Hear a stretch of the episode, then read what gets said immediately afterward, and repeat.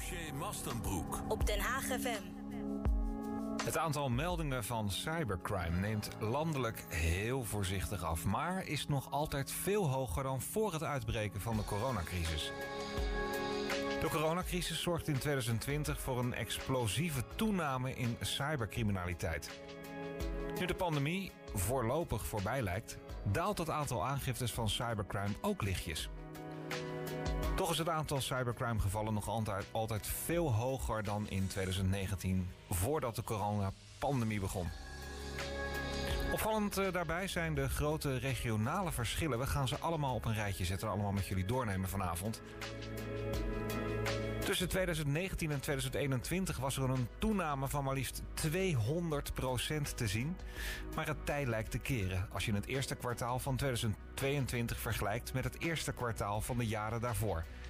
In de eerste drie maanden van dit jaar daalde het aantal gevallen van cybercrime namelijk ten opzichte van dezelfde periode in 2021.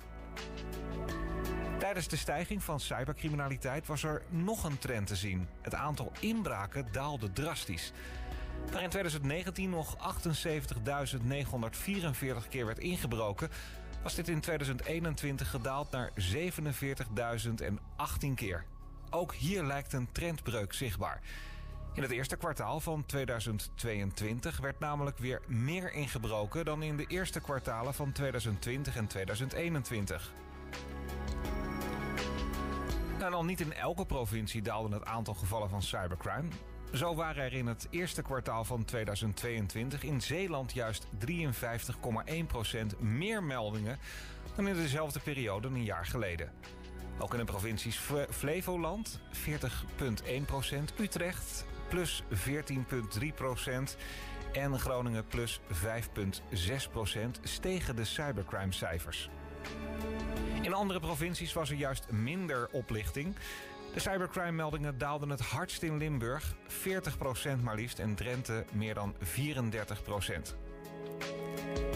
En dan zoomen we even in. Hier uh, in onze eigen regio in Zuid-Holland daalde het percentage cybercrime in het eerste kwartaal van 2022 met 13,5% ten opzichte van 2021. De meeste meldingen van cybercrime in 2022 werden tot nu toe gedaan in Amsterdam, Tilburg, Rotterdam en Utrecht. In deze steden werden minstens 60 meldingen gemaakt van een digitaal misdrijf.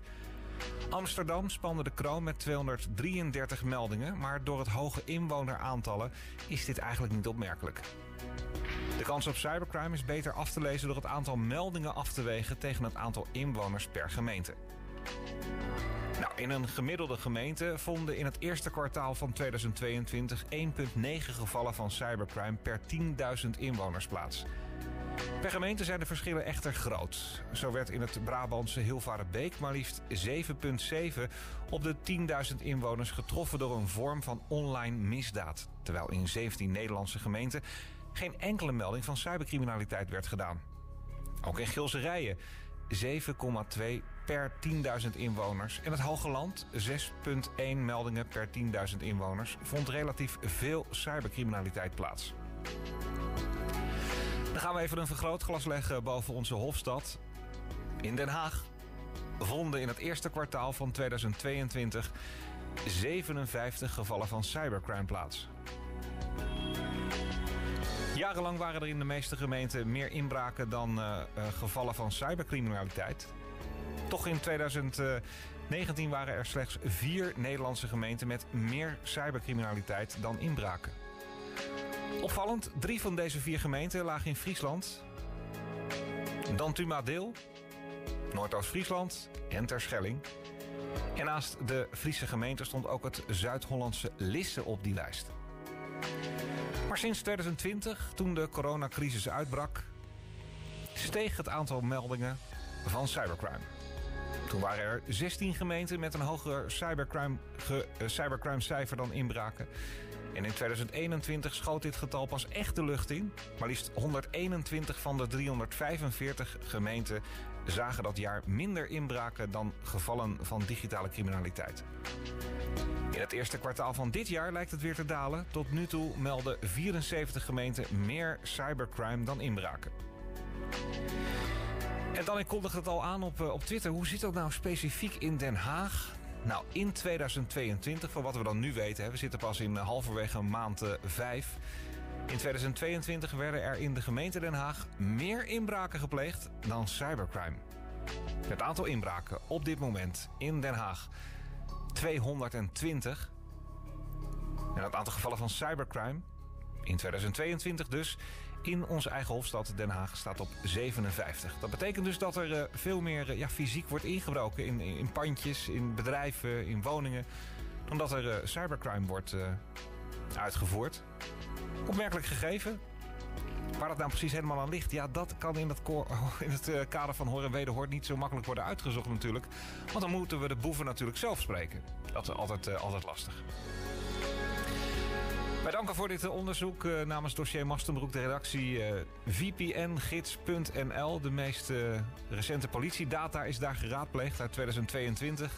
Het is vergeleken met cijfers uit 2019, 2020 en 2021. En hierbij werd vooral gekeken naar het aantal geregistreerde cybercrime-incidenten van januari tot en met maart. VPNgids.nl bracht vier keer eerder cybercrime-cijfers eh, in kaart. In mei 2020 bleek dat voor het eerst in de Nederlandse geschiedenis het aantal cybercrimes hoger lag dan het aantal inbraken. En eind 2020 bleek het aantal cybercrimes opnieuw sterk toegenomen ten opzichte van 2019. En zo zie je dan ook maar dat boeven zich steeds meer eh, verplaatsen naar het eh, digitale roverspad. In mei 2021 zagen we dat deze trend even doorzette, evenals in oktober van datzelfde jaar. Nou, opmerkelijk dus nog steeds in Den Haag. Meer inbraken dan cybercrime. Het aantal inbraken in 2022, ik zei het al, de eerste vijf maanden van het jaar. 220 inbraken in Den Haag. En het aantal gevallen van cybercrime in 2022 57. Blijf alert, blijf alert. Ik zag vandaag overigens dat de ABN AMRO Bank heeft op dit moment voor uh, spaarrekeningen... nu zogenoemd spaarslot... Dus op het moment dat je een spaarrekening hebt, het is vooral voor oudere mensen, heb je een opa, oma of ouders die al een beetje op leeftijd zijn en die ja, toch wel gevoelig zijn voor een telefoontje, zogenaamd uh, vanaf de bank. En um, ja, dan misschien wel hun hele spaargeld overmaken. Zorg ervoor dat je zo'n spaarslot erop zet. Wat houdt dat kortweg uh, in? Ik ga daar gewoon een andere keer nog een keer uitvoerig op, op in, op zo'n blok. Dat betekent dus dat als iemand een beroep doet op jouw spaargeld, telefonisch, thuis of, of via het internet, dan kunnen ze daar dus 24 uur niet bij. De eerste 24 uur. Dan wordt er eerst gekeken, klopt het allemaal? Er wordt contact opgenomen met de eigenaar van de rekening. Stuk fantastisch. Dat betekent ook wel, uh, het enige manko is dat, je, dat je, jij niet per direct ja, je, bij je bankrekening kan. Althans niet bij je spaarrekening kan. Je moet dan zelf ook 24 uur wachten. Maar het zal je maar gebeuren dat al je spaarcentjes weg zijn. Een spaarslot heet dat dus. Onder andere de ABN AMRO Bank heeft dat op dit moment. En we gaan er volgende keer gewoon wat uitvoeriger op in. Martijn Mastenbroek.